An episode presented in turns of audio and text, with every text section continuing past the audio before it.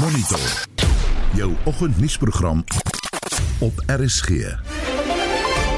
In vanoggend se program verskeie politieke partye verwelkom die aanstelling van 'n nuwe SAIK-raad. Die president bekragtig veranderinge aan die wysigingswetsontwerp op gesinsgeweld en die departement van basiese onderwys sê daar is 'n afname in die getal leerders wat skool voortydig ver, verlaat. People give up people are squeezed out of the system in a way because they just feel that there's no point in continuing. They've fallen so far behind.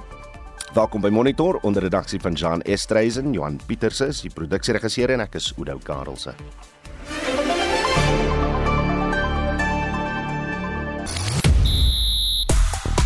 'n Ervare vroue bokspan word bekend gemaak vir die Sewes Wêreld Uitdaging reeks in Stellenbosch. Real Madrid en AC Milan deur na die Kampioenligga se halfeindronde en tuisveld voordeel in die IPL reeks verloor sy waarde. Ek is Shaun Schuster vir RSG Sport. NS vas is 'n hits waaroor daar vanoggend gegons word. Die spesiale ondersoekeenheid het bevind dat meer as 5 miljard rand se geld van die nasionale hulpskema vir studente aan studente toegeken is wat nie daarvoor gekwalifiseer het nie. Nou ja, onder die hit skryf 'n gebruiker of wel 'n student, there's no such thing as intelligible students. En is vassoet van all students period. Ons bly by onderrig en die departement van basiese onderwys sê die getal leerders wat die skool verlaat voordat hulle matriek bereik het oor die afgelope 20 jaar verminder. Die een oplossing wat gebruik word is om leerders in 'n graad terug te hou. Stem jy saam met die benadering? En en net 'n ander vraag, dink jy meer beroepsgerigte vakkeuses kan help dat leerders meer suksesvol op skool kan wees? Stuur 'n SMS na 4588919 R50 per boodskap. Jy kan ook lekker saamgesels op die Monitor en Spectrum Facebook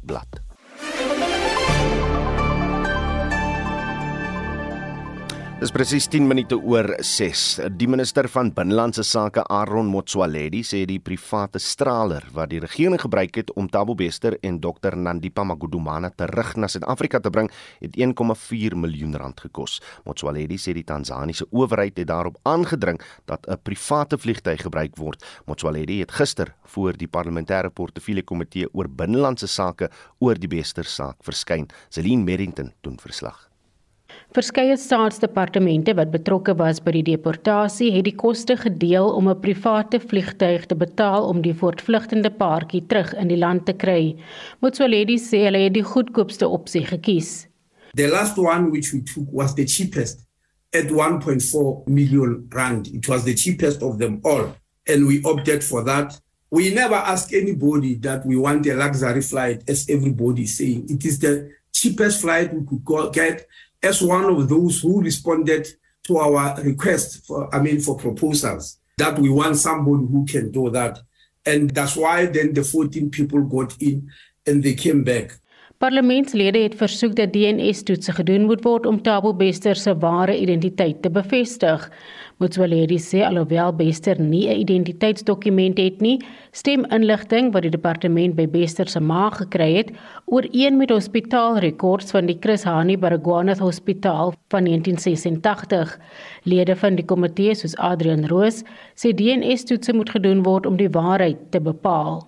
Surely you, you insist on DNA tests for so many of these poor South Africans to prove the parentage Um, surely a DNA test is needed here between the mother and Thabo Bester to, to, to verify that Thabo Bester is indeed the son, that the person that went to law school, Dani Taron, is the same person as the Thabo Bester from uh, Baragwanath. Motsoaledi sê die polisie is in die proses om DNA-toetse op Bester te doen. Hy het bygevoeg dat hy glo een manier hoe die paartjie in Tansanië opgeëindig het, was moontlik dat 'n hoëgeplaaste amptenaar hulle gehelp het. there are only two possibilities how Thabo Bester and Nandiba left South Africa is to jump the fence. Jump the fence in South Africa, jump the fence in Zimbabwe, jump the fence in, in Zambia, jump the fence in, in, in other countries until you arrive in Tanzania. And you are aware when they were arrested, they were en route to Kenya. They were still going to jump the fences. So they've been jumping fences all over uh, uh, uh, the continent. Now, I said that's the first possibility. The second one is that a high ranking official either in immigration or police, might have facilitated their, their crossing in. I mean, they are crossing at the legitimate port of entry without the passport being checked through the movement control system. Dit was die minister van binnelandse sake, Aaron Motsoaledi, Zelin Merrington, Parlement. 'n Vervalle skoolkoshuis in Williston in die Noord-Kaap wat as 'n vaardigheidsontwikkelingsentrum gebruik sou word, is gevandaliseer.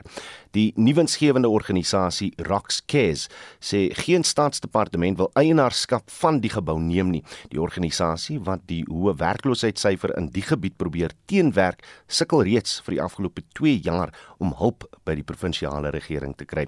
Reginald Witboy het meer besonderhede. Die Williston gebied het 'n hoë werkloosheidssyfer Baie inwoners en jong mense is plaaswerkers.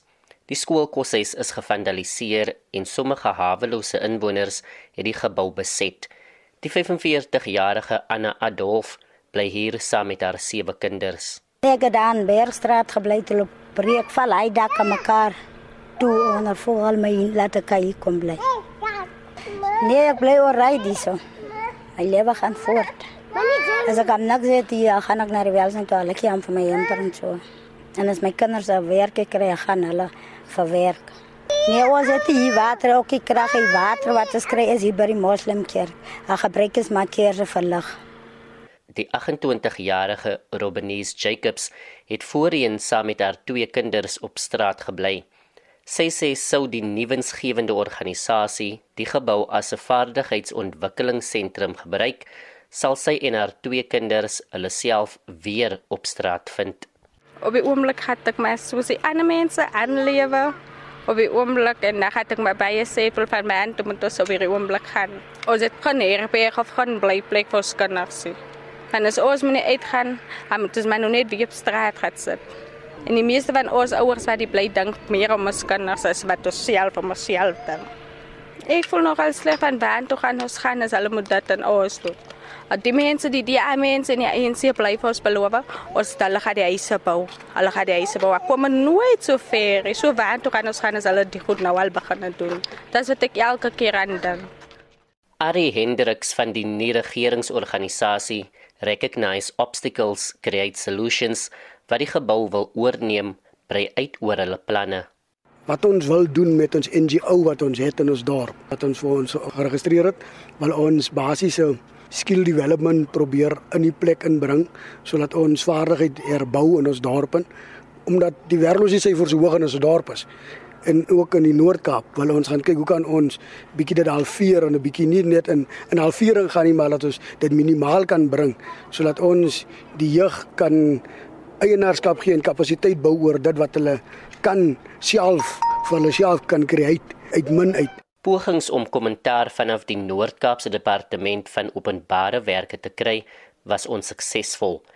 Maar in 'n vorige onderhoud saam met die SAIK se nuusaktualiteitsprogram Fokus het die departement gesê die gebou is steeds in besit van die Noord-Kaapse Departement van Sport, Kuns en Kultuur. Reginald Witboy, SAIK nuus, Williston in die Noord-Kaap. Die organisasie teen belastingmisbruik Outa sê ten spyte daarvan dat die president beraadslag het oor die wysigings aan die kieswet wat nou bekragtig is, is dele daarvan nog steeds uh, of is daar dele liewer wat nog steeds pla. Ons het gister die mening van 'n politieke ontleder hier gekry hier oor vanoggend praat ons meer breedvoerig oor die wysigings wat steeds pla ons praat nou met Outa se parlementêre waarnemer en navorsingsbestuurder Rachel Fisher. Rachel, goeiemôre. Goeiemôre Oudo en goeiemôre aan die luisteraars. Die stelsel van proporsionele verteenwoordigheid sal beïnvloed word as gevolg van die drie stembriewe. Watter probleme skep dit en verduidelik net net vinnig hoe dit stemme maklik kan vermors? Natuurlik en dit kompliseer ook die proses. Nou daar is 3 stembriewe soos u tereg aandui. Dit is vir die nasionale vergadering waarvan die een die provinsiale of streeksetels is en die ander is die teenwigsetels. Nou neem in kennis onafhanklike kandidaate kan net vir die 200 streeksekels um in ag of weet staan. Hmm. Nou, hulle kan ook vir die provinsiale wetgewer staan, maar daai stembrief gaan al die name hê van politieke partye sowel as onafhanklike kandidaate. Terwyl die nasionale vergadering twee verskillende lyste gaan hê. So hierdie samestelling van stemme, hoe dit getel gaan word, hoe dit uitgewerk gaan word per setel is uiters kompleks. En kom ons sê 'n kandidaat staan in verskeie provinsies oftewel streke en hulle kry die meeste stemme in Gauteng word al die ander stemme wat hulle gekry het in die ander provinsies eintlik weggegooi. Nee. Dit wil sê die geleentheid met die konstitusionele hof uitspraak in 2020 waarin sommige dele soos ons nou daarvan praat van die konsep uh, wet ongrondwet wettelik verklaar is en en gewysig is. Die die geleentheid is nie behoorlik gebruik om om hierdie goed te wysig dan nie. Nee, dit is nie. Ongelukkig was daar minstens meer as 'n jaar vermors waar daar geen vordering was nie. Die proses van openbare deelname was ook nie behoorlik hanteer nie. Dit het vinnig plaasgevind. Daar was geen opvoeding van die publiek en algemene inligting oor wat hierdie beteken en veral wat die implikasies gaan wees op ons verkiesings in 2024 nie. Maar dan moet sekerlik in die oorlegproses oplossings geoffer uh, gewees het vir hierdie probleme of hoe? Kyk, een van die grootste oplossings wat ons het en hierdie was um, as gevolg van die proses van die nasionale raad van uh, provinsies Hulle het 'n verkiesingshervormingspaneel gemotiveer en hierdie is dan tans in die kieswysigingswet. Nou hulle moet nou verder beraadslag en navorsing doen op hoe hierdie aangespreek kan word. So as ons kan kyk dan na 'n hibriede stelsel van proporsionele verteenwoordigheid sowel as streeksetels wat beter verantwoordbaarheid kan gee van onafhanklike kandidaate en partye, kan hierdie hopelik ter tafel gelê word in voorbereiding van die 2029 verkiesings. Maar nie vir, vir volgende jaar se verkiesing nie. Ongelukkig nie en dit is deel van die probleem. Ons sit tussen 'n klip en 'n harde plek waar daar potensiële grondwetlike kwessies is in die huidige kieswysigingswet. En hierdie kan moontlik implikasies hê met die verkiesings uh, in 2024. Maar dan staar ons mos nou 'n splinter nuwe hofgeding in die gesig hier. Heel moontlik, heel moontlik en en daar is organisasies uh, wat dit evalueer en moontlik regstappe gaan neem vir hierdie. Want wat gebeur is indien daar grondwetlike kwessies is en die wysigings word dan uitgedaag, sodra die verkiesings plaasvind volgende jaar, kan enige ander party wat moontlik nie tevrede is met die uitkomste nie, hmm kan dan moontlik die hele verkiesing hof toe neem. En verbeel nou vir 'n oomblik wat die reputasie, die koste en die grondwetlike implikasies gaan wees van so 'n hofsaak. Ja, kom ons wag en kyk wie maak die eerste beweging hier, maar dis Rachel Fisher, sy's Aartse parlementêre waarnemer en navorsingsbestuurder. Politieke partye in die parlement het die aanstelling van 'n nuwe SAIK-raad verwelkom. President Cyril Ramaphosa se kantoor het gister in 'n verklaring bevestig dat hy die raadslede soos aanbeveel deur die nasionale vergadering vir 'n termyn van 5 jaar aangestel het. Mitsi van der Merwe het meer besonderhede. Die DA parlementslid Diane Curle Barnard sê die aanstelling van 'n nuwe SAIK-raad moes lankal gebeur het. Parliament voted and agreed unanimously to the list of candidates on the 6th of December, and the President continued to delay the process for a further 133 days without any legal entitlement to do so. It's because of this delay that he currently finds himself front and centre of a constitutional court application by civil society for failing to perform his constitutional duties. Now, the whole country knows that the delay was caused by the President and former minister's dislike of a single candidate, Patiswe Magopane. Penny.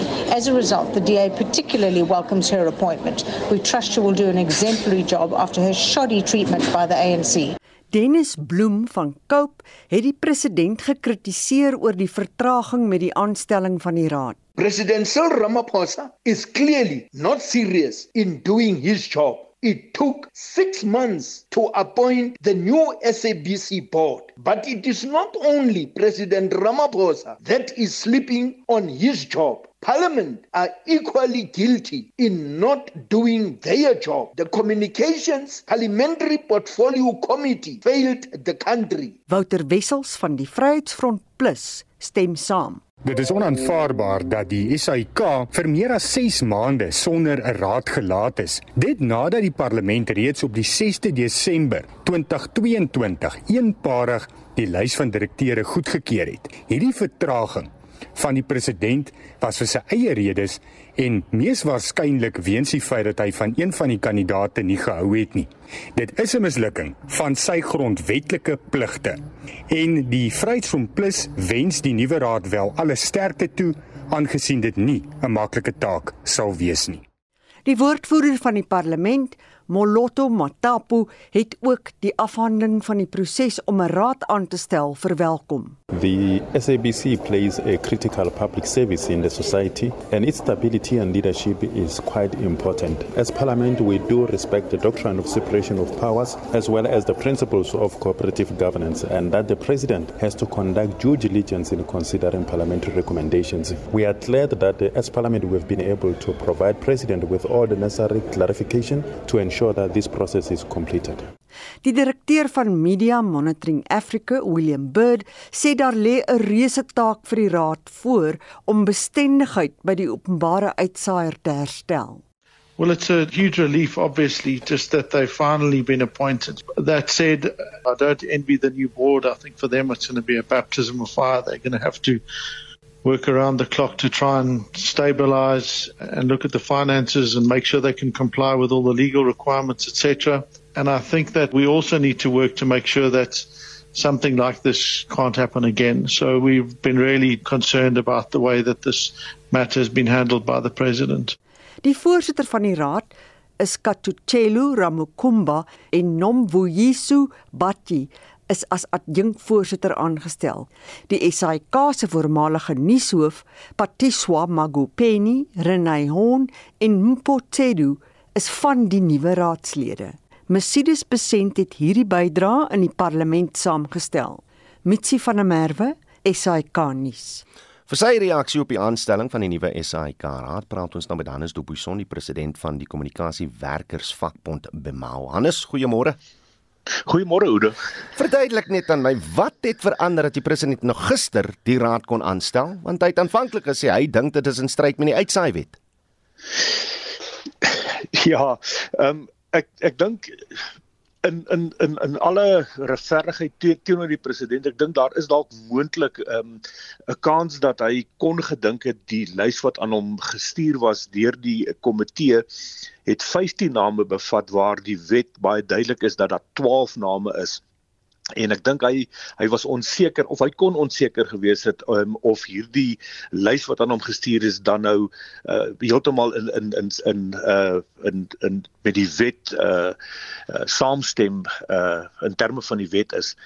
So ek ek dink wat toe gebeur het is dat daar was toe 'n uh, regsadvies ingewin en dat die regsadvies deur die parlement self en deur 'n privaat uh regspraktisyn 'n senior advokaat het uh, het bevind uh, daardie opinie het bevind dat dat dit nie in stryd is met die wet nie en dat die um, president moet daardie aanstelling doen. So ek dink dit is miskien wat hom toe dan nou beweeg het om om om dan nou maar die aanstelling te doen. Ons weet ook nou van hierdie kandidate die uh, spesifiek die die een kandidaat op die raad wat hy uh, nie van gehou het nie. Uh, maar ek dink dat die die druk was eenvoudig net te veel uh, van die publiek en van oral af ook van regskant af. Uh, en hy moes toe nou maar die aanstelling doen. Nou gedurende hierdie 6 maande se onsekerheid soos jy dit stel watter bedryfsprobleme het by die SAIK uh, ontstaan as gevolg van die feit dat die raad net nie in plek gestel is nie ek dink daar's daar's verskeie probleme wat ontstaan het. Ek dink e, een van daardie probleme is die feit dat uh en ook 'n belangrike een is die feit dat die uh groep uitvoerende hoof en ook die uh groep hoof finansies uh se se kontrakte kom tot 'n einde binne die volgende maand of so en dat uh die uh in, in terme van vorige hofuitsprake dit baie duidelik is dat uh niemand anders as die raad kan daardie poste vul nie. Nie die komitee nie, nie parlement nie, nie die president nie, nie die minister nie. Niemand kan daardie poste vul behalwe die raad in terme van die wet en ook 'n hofuitspraak. So so dit dit natuurlik op 'n baie baie ernstige krisis afgestuur uh omdat die SAIK dan sonder daardie twee top uh posisies sou gewees het. Uh, Daar's ook ander probleme uh daar is uh, nêrens byvoorbeeld uh waar daar uh, probleme ondervind word met die huidige bestuur en en en uitvoerende uh, direkteure. Hmm. Daar is geen plek waar um, werknemers hulle kwessies heen kan vat uh, as daar nie 'n raad is nie. 'n uh, Mens wil nie met elke kwessie wat jy het, uh, wil 'n mens hof toe of uh, na die uh, CCMA toe hardloop nie. So mense wil daarom ten minste 'n uh, oor uh, hoor en en daardie oor was afwesig geweest. Daar is baie baie uh, ander kwessies soos byvoorbeeld uh, SAIK personeel wat vir die afgelope 3 jaar nie salarisverhogings gekry het nie. Ehm um, die die manier hoe die uitsaaier bestuur is, daar is 600 mense afgelê, weer 'n klomp aangestel. Die SAIK is in 'n baie baie swak finansiële posisie. Ons dink moontlik die swakste ooit. Uh, en daardie goed moet dringend aangespreek word. Is bemaal toegang gegee tot die oorgangsdokument wat hierdie uitgaande raad saamgestel is? Nee, ons het ongelukkig nie daardie dokument uh, gesien nie. Ehm um, en um, ons uh, dit ek ek glo dit sal nogal 'n baie interessante dokument wees um, om te lees. Ehm um, die kwessies wat 'n mens uh, moontlik daar sou sien is waarom die SAIK in hierdie swak finansiële posisie is, hoekom uh, daar sulke so soos uh, lae staf uh, personeel uh, moraal is hoekom is die uh, personeel so negatief? Uh, hoekom verloor die SAIK so baie mense ook in senior posisies um, wat uh, wat eenvoudig net bedank loop omdat die klimaat by die SAIK in hierdie stadium uh, baie toksies is. En dan net laastens Hannes is Bamau tevrede met die mense wat aangestel is na die raad of aan die raad Maar on, ons ons is eintlik baie opgewonde oor die nuwe raad, behalwe natuurlik vir vir vir vir een of twee van die van die kandidate, maar ons is baie opgewonde oor die nuwe raad. Dit is die eerste keer dat dat die raad uh uitsaaiers, joernaliste en ek weet daar was 'n joernalis op die vorige raad hmm. ook, uh, wel twee van hulle maar hier hier hier het ons mense wat self vir die SAIK gewerk het wat die wat uitsaai die die uh, openbare uitsaaier verstaan. Ons het drie uh, ten minste drie mense, dit is Dr. Renay Hond, uh, Patricia Magopeni en ook Mpotsedu wat ons weet wat uh, question time aanbieder was in 'n stadium hy kom uit 'n media familie uit uh, ons sien byvoorbeeld dat ehm um, Palesa Kadi was uh, baie aktief betrokke in uitsaai uh, toe sy student was um, en uh, ook uh, aktief uh, in in in uh, vakbondwese betrokke was in die uitsaai bedryf of uh, te probeer om om om uh, sekere regte te kry. So ons eh, die voorsitter van die raad is 'n is 'n rekenmeester. Dit is 'n dit is 'n goeie eh, goeie ding as 'n mens nou kyk na vorige voorsitters dan uh, het daardie ehm um, kwalifikasies min of meer ontbreek by uh, by, by by baie van hulle. Uh, ons enigste probleem. Ons enigste bekommernis is dat ons sien nie baie sterk ehm uh, werknemer uh verteenwoordiging op die raad nie. Mense met sogenaamde human resources hmm. ondervinding nie. En en en dit is natuurlik 'n bietjie van 'n bekommernis want dit is een van die groot brandpunte by die SAIK in hierdie stadium is uh, is hoe personeel behandel word en die manier hoe die SAIK omgaan uh met personeel uh, deur byvoorbeeld uh te litigeer omtrent op elke liewe saak. Dit dan Hannes Dubuisson, die president van die kommunikasie werkersvakbond Bemau. Jy luister na Monitor. Elke weekoggend tussen 6 en 7.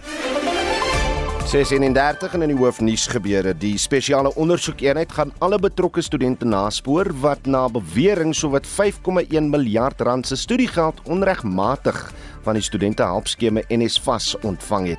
Cope en Idea sê die president het onnodig die aanstelling van 'n nuwe SAIK raad vir 6 maande vertraag en 'n onderwysaktivis, Hendrik Makanyeta, vra die departement van basiese onderwys om 'n manier te vind om leerders wat uit die skoolstelsel verdwyn het op te spoor en weer in te skakel.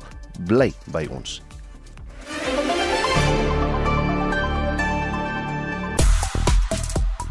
Die departement van basiese onderwys sê die getal leerders wat die skool verlaat voordat hulle matriek bereik het oor die afgelope 20 jaar verminder. Nou die een oplossing wat gebruik word is om leerders in 'n graad terug te hou. Stem jy saam met die benadering en dink jy meer beroepsgerigte vakkeuses kan help dat leerders meer suksesvol op skool kan wees? Nou op Facebook uh, sê Leonie Kellerman, soos elke ding waar die regering hulle neuse indruk is onderwys ook in sy peetjie maar die regering sê hier's nou 'n verbetering met hierdie situasie Leonie. Um, maar laat weet hoe jy daaroor voel. En dan sê ja uh, Annelise Foster Meyer, nee, die kindertoela moet gekoppel word aan skoolbywoning, vordering en prestasie. Hoe voel julle daaroor? So as jou kind nou nie goed vaar op skool nie, kry jy nie die toelaag nie. Wonder. Ons gesels bietjie. Julle SMS se deur na 4588919 R50 per boodskap. En jy kan ook soos hierdie luisteraars gemaak het lekker saam praat op die Monitor en Spectrum Facebookblad. Regsjon Jooste staan gereed met die jongste sportnuus môre Shaun. Goeiemôre Oudo. Die vroue wêreld sewe is uitdag reeks begin môre in Stellenbosch. Uh, Suid-Afrika het 'n ervare span wat deelneem en kom ons hoop 3 maande se voorbereiding. Dis nou 3 maande se voorbereiding gee ons bietjie voordeel in die toernooi. Ja, oor die openingstoernooi vind dan van môre tot Saterdag by die Makerdorp Stadion daar in Stellenbosch plaas. Die groep van 13 spelers bevat 12 wat reeds internasionale sewees ervaring het en dan sou ook 9 van die 13 spelers wat al reeds vir Suid-Afrika aan die 15 skoor op die veld uitgedraf het. Dis Endlem Pupa en Mathurin Simmers is die mede-kapteins vir die toernooi. Daar's ook groot name soos Nadine Roos, Eloise Webb en ook nou Libby Jansen van Rensburg wat by die span ingesluit is. Suid-Afrika is in groep B saam met Tsjechië, Madagaskar en Mexico geplaas.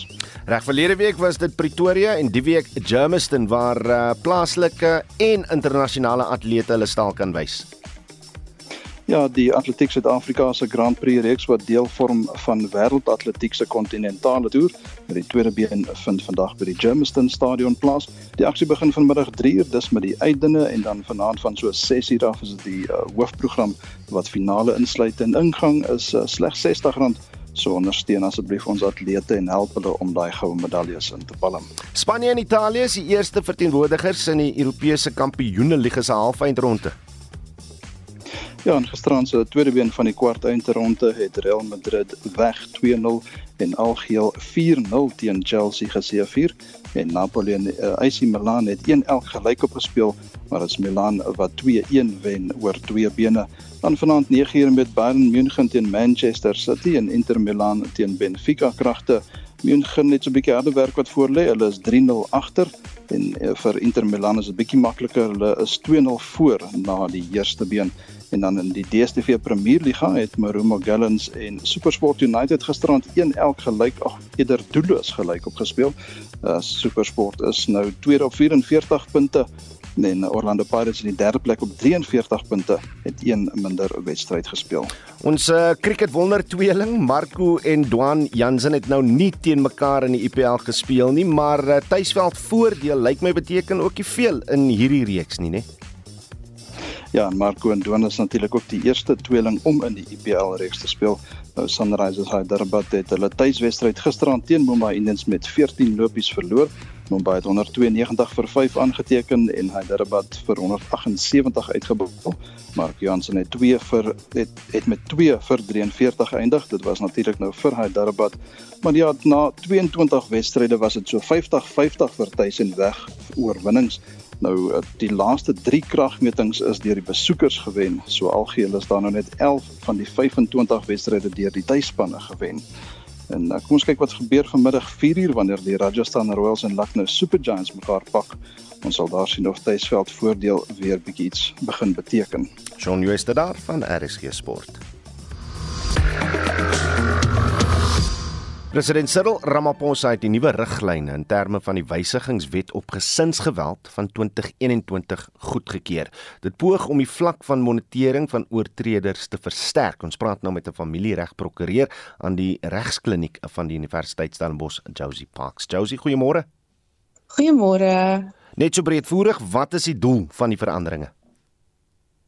So die doel van die veranderinge in my opinie is om toegang tot die regstelsel vir slagoffers van gesinsgeweld um te vergemaklik want die realiteit is baie slagoffers wat um gesinsgeweld ervaar um kan nie altyd verlof neem by die werk om aansoek te doen by die hof vir die bevel nie of hulle het beperkte toegang tot vervoer.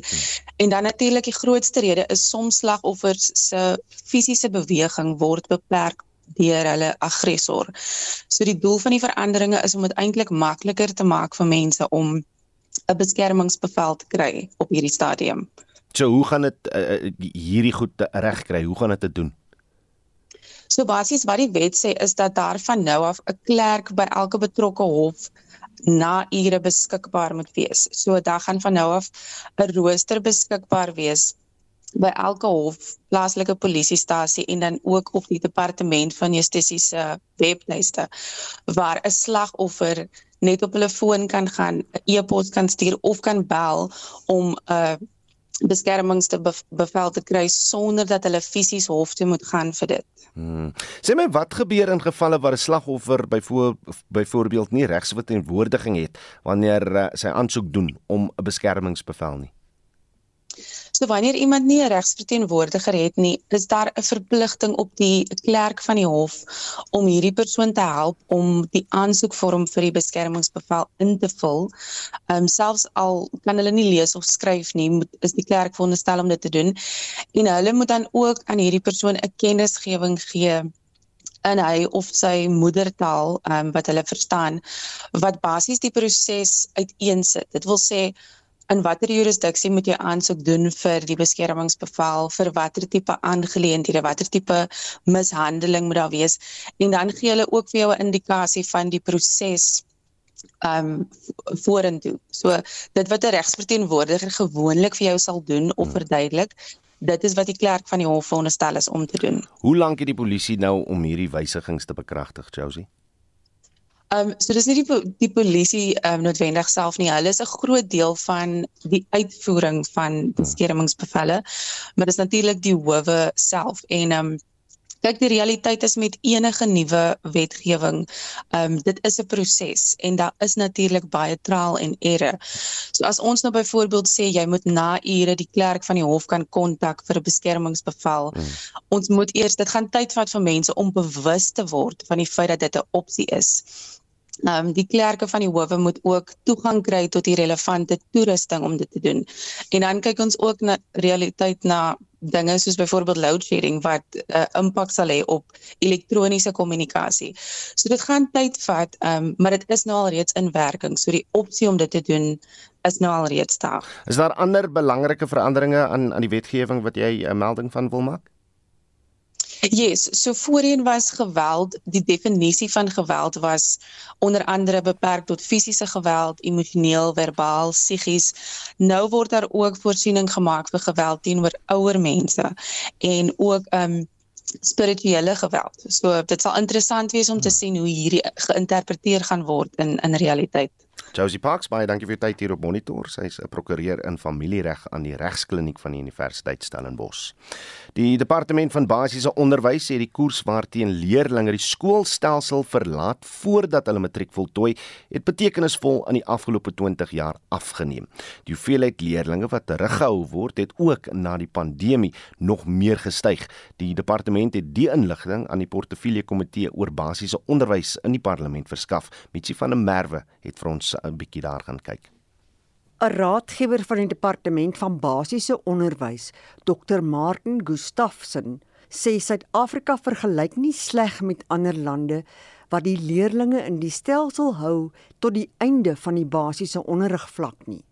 Daar is egter ruimte vir verbetering. These trajectories that we have been on for the last 20 years are the thing we must kind of use as our point of departure. If we want things to be different, then the question is how different? Do we want this to be steeper? How much steeper do we want it to be? And to what extent can we actually improve the quality of education faster than this? Keeping in mind that the quality of education according to the international testing systems has improved relatively quickly in South Africa compared to other countries. Hy het verskeie redes gegee waarom kinders die skoolstelsel verlaat. The reasons for dropping out have a lot to do with academic underachievement and related to that grade repetition. People give up, people are squeezed out of the system in a way because they just feel that there's no point in continuing. They've fallen so far behind. But there are other factors as well. Poverty plays a role, home disadvantage, parents who themselves have a low educational level of uh, grade attainment.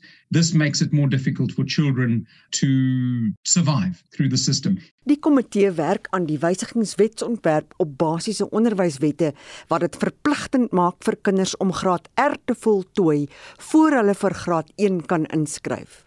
Minister Angie Motshega sê dit is belangrik vir kinders om gereed te wees vir skool sodat die hoë drypsyfer vir graad 1 verminder kan word. when children are not ready by the time they go to school, the chances of survival are actually risky and it really puts them in a very precarious uh, situation. But you will also see social factors that also impact on our children's ability to continue safely on their education journey. Lid van die ACDP, Mary Sackers, het die LUR in Gauteng se geskrewe antwoord dat byna 200 000 leerdlinge in 2022 die skool vroeg verlaat het in die sitting aangehaal. There is a discrepancy between the number of learners who were enrolled in 2021 and the number of learners that were retained.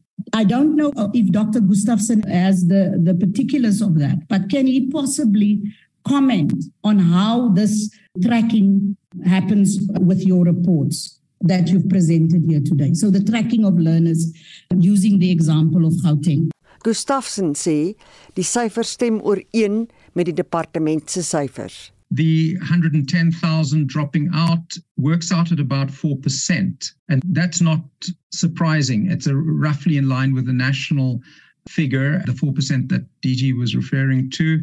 What is surprising was their statistic that 54,000 school age children have dropped out. I suspect what is happening here is that they've defined school age as going up to age 18. Then it's believable. If this was age 7 to 15, then that would be a very shocking statistic. So it's very important to look at exactly which ages are covered by those statistics.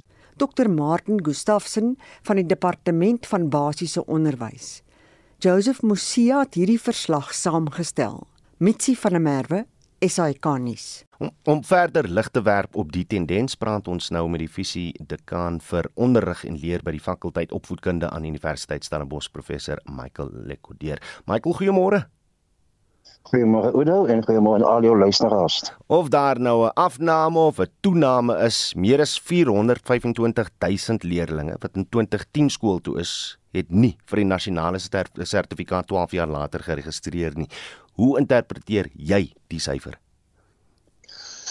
Udo, uh dit is 'n baie moeilike ding om om om te interpreteer. Ek het nou na jou vorige insetsel geluister en ek dink die minister en Dr. Gustafan het baie goeie agtergrond hier vir ons gegee. Dit is belangrik om te sê uh jy weet as jy kyk na die nasionale uh perspektief dan is dit so dat dat dit is ongeveer 'n derde van alle kinders wat in in in graad 1 begin nooit by uh graad 12 uitkom nie. Maar ons moet ook hierdie syfer interpreteer op 'n wyse wat ons begin om te kwalifiseer hoekom dit nie uh die geval is nie. Uh ek het 'n vermoede dat ons nou al vir te lank uh die matrieksyfer aanwend as 'n barometer om om te bepaal uh wat is die gehalte van Suid-Afrikaanse onderwys? En en dit is nie 'n baie goeie uh, uh manier van dinge doen nie. Want daar is soveel faktore ek dink die minister het het, het daarna verwys wat impak op hierdie proses en ons moet al daai faktore moet moet moet hier in ag geneem word. Uh Ek dink ons plaas te veel klem op die kwantitatiewe uh, situasie met ander woorde uh as as jy as 80% van die klas slaag dan dan maak ons 'n eenvoudige sommetjie en sê dit was 'n goeie skooljaar. En tog is daar soveel leerlinge wat wat vir die afgelope 12 jaar langs die pad uitgeval het. Ons moet begin om te kyk hoekom hierdie kinders nooit by matriek uitkom nie En dan is ook vir onsself ook net bewus maak van die feit dat sommige leerders eintlik nooit by matriek wou uitkom nie want hulle is nie akademies aangelê nie. Hulle is tegnies aangelê en hulle sou veel eerder hier by graad 9 se kant uh na 'n tegniese vaardigheidsskool toe wou gaan om te kan doen waarvoor hulle lief is. Want uh jy weet hoe die onderwys werk. 'n Mens as jy lief is vir 'n vak, dan sal jy goed doen daarin en jy sal al jou aandag daaraan gee. Ek dink dit ons moet baie meer in ag neem wanneer ons begin om hierdie syfer te interpreteer. Maar Michael, oor die afgelope 30 jaar, hoeveel nuwe tegniese vaardigheidsskole het hulle deure oopgemaak in Suid-Afrika? Uh Oudo, ek het nie veel vanoggend die presiese getal nie, maar wat ek wel weet is dat dit is nie eens naasten by genoeg om te voldoen aan die in die geweldige behoefte wat daar is in Suid-Afrika nie. Uh ek gebruik gewoonlik die metafoor van die hospitaal en ek wil vanoggend weer hierdie metafoor met om met jou uh uh uh, uh luisteraars deel en ek wil vir mense vra om saam met my hieroor te dink. Dit is so dat ons het in ons land baie goeie goeie dokters en verpleegsters nodig hmm. om die land gesond te hou. Maar wat ons ook moet mekaar sê is ons het ook mense nodig om daai hospitale en klinieke te bou. Ons het die ambasmanne en die tegnisi nodig om die geriewe daar te stel. So as al ons kinders gaan dokters word, gaan ons 'n klomp slim mense hê, maar hulle gaan geen hospitaal hê waar hulle die, die ons mense kan gesond maak nie. En ek dink ons onderwysstelsel moet na albei vlakke van die van die opvoeding en die en die onderwys begin kyk. So daar daar is na my in na my mening nie naasten by genoeg vader het skole nie en en ek ek, ek hoop ons kan ook vanoggend gesels oor wat die departement in in gedagte het met hulle graad 9 sertifikaat. Ek, ek van nou net daarby uitgekom het en net om die luisteraars in hulle departement van basiese onderwys poog om 'n algemene onderwyssertifikaat vir graad 9 leerders teen 2025 toe te ken. Wat probeer hulle hierdeur bereik, Michael? Wel ek is ek is baie ten gunste hiervan. Uh as ek die dokumente reg verstaan, dan wil die departement uh vir sommige leerders die geleentheid gee om na graad 9 uh te kan begin spesialiseer in in in 'n vaardigheid. En daai vaardigheid moet hulle in staat stel om eendag uh hulle self te kan uh onderhou deur middel van 'n werk.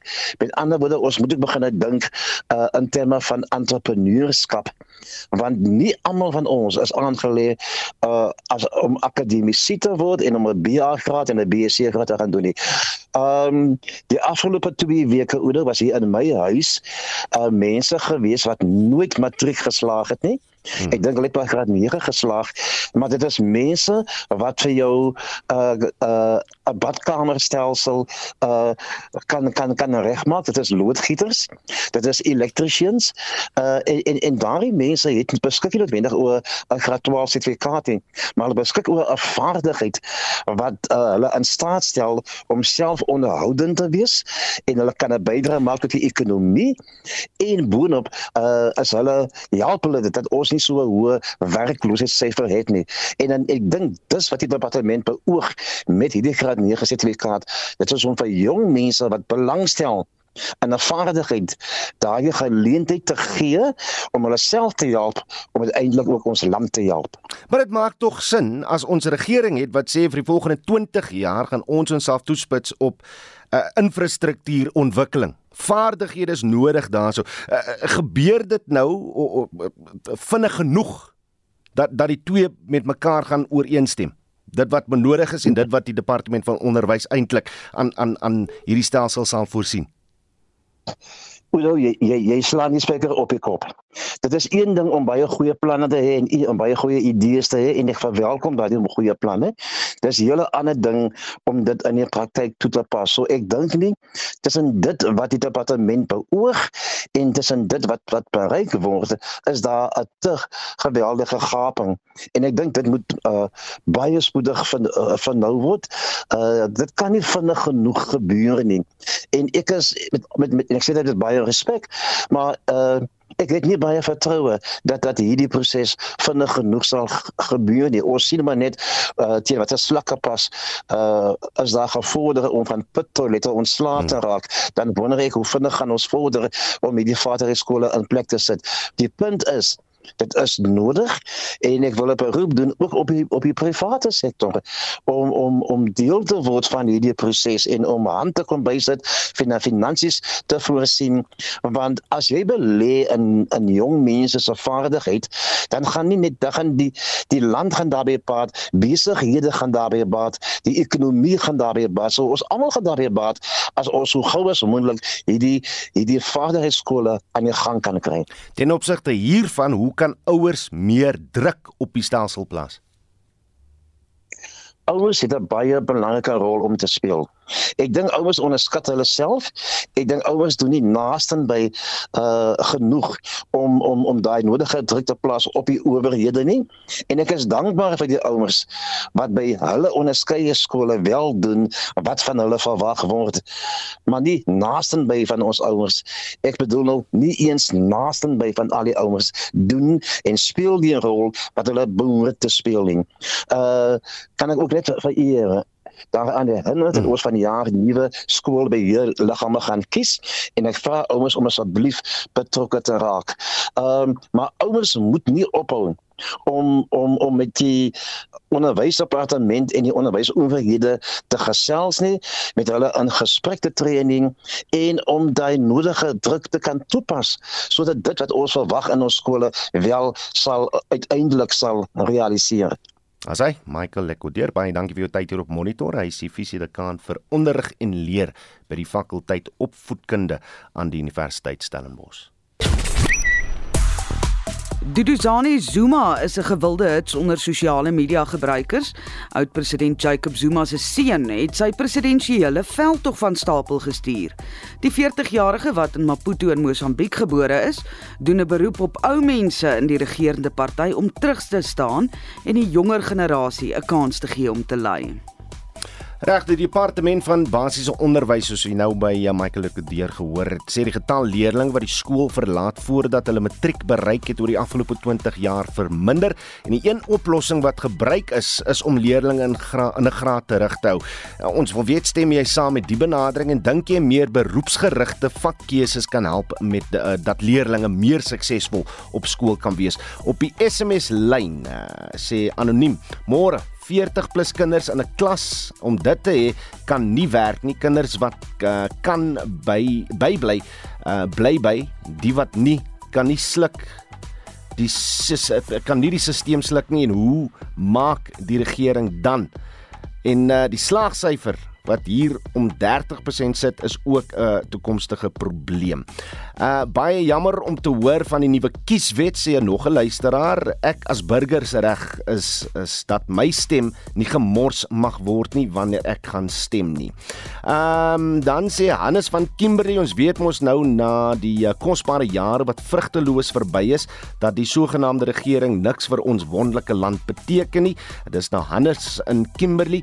Ehm um, en nog so 'n SMS oor uh skool en uh, verlaat uh, die kinders wat skool verlaat sê Ann van Polokwane dis omdat daar nie meer skoolsielkundige dienste beskikbaar is om kinders en onderwysers by te staan om leiding aan probleemareas te gee nie. Uh op die Facebook bladsy kom ons kyk net 'n paar van daai stemme daar Bets Ferreira sê die hele skoolstelsel moet hersien word moet uh, vakke soos houtwerk en huishoudkunde terugbring. Leerdlinge mag selde dryp en maak tyd vir vaslegging van begrippe en gee meer aandag aan ambagsgerigte vakke, soos Michael nou gesê het. Bring tegniese kolleges terug en moedig kinders aan om 'n ambag te volg. Universiteit is nie die enigste vereiste vir sukses nie en gryp in by onderpresterende skole. Dit is 'n groot remskoen, so sê Bets Ferreira. Uh deel jou mening deur 'n SMS te stuur na 4588919 R50 per boodskap. Jy kan ook saamgesels op die Monitor en Spectrum Facebook bladsy. Onthou vorige uitsendings van al ons nuusaktualiteitsprogramme is as potgooi beskikbaar. Gaan uh, net na www.rsg.co.za om dit daar te vind. En skakel gerus in op Spectrum tussen 12 en 1 vanmiddag vir uh, vir nog Nuus aktualiteit is ook brandpunt omstreeks kwart voor 6 vanmiddag. Ons groet dan namens ons uitvoerende regisseur Nicoline de Wee, die redakteur vanoggend te Jan Estreisen, ons produksieregisseur is Johan Pieterse en ek is Oudo Karel. Se geniet jou dag in die geselskap van RSG. Totsiens.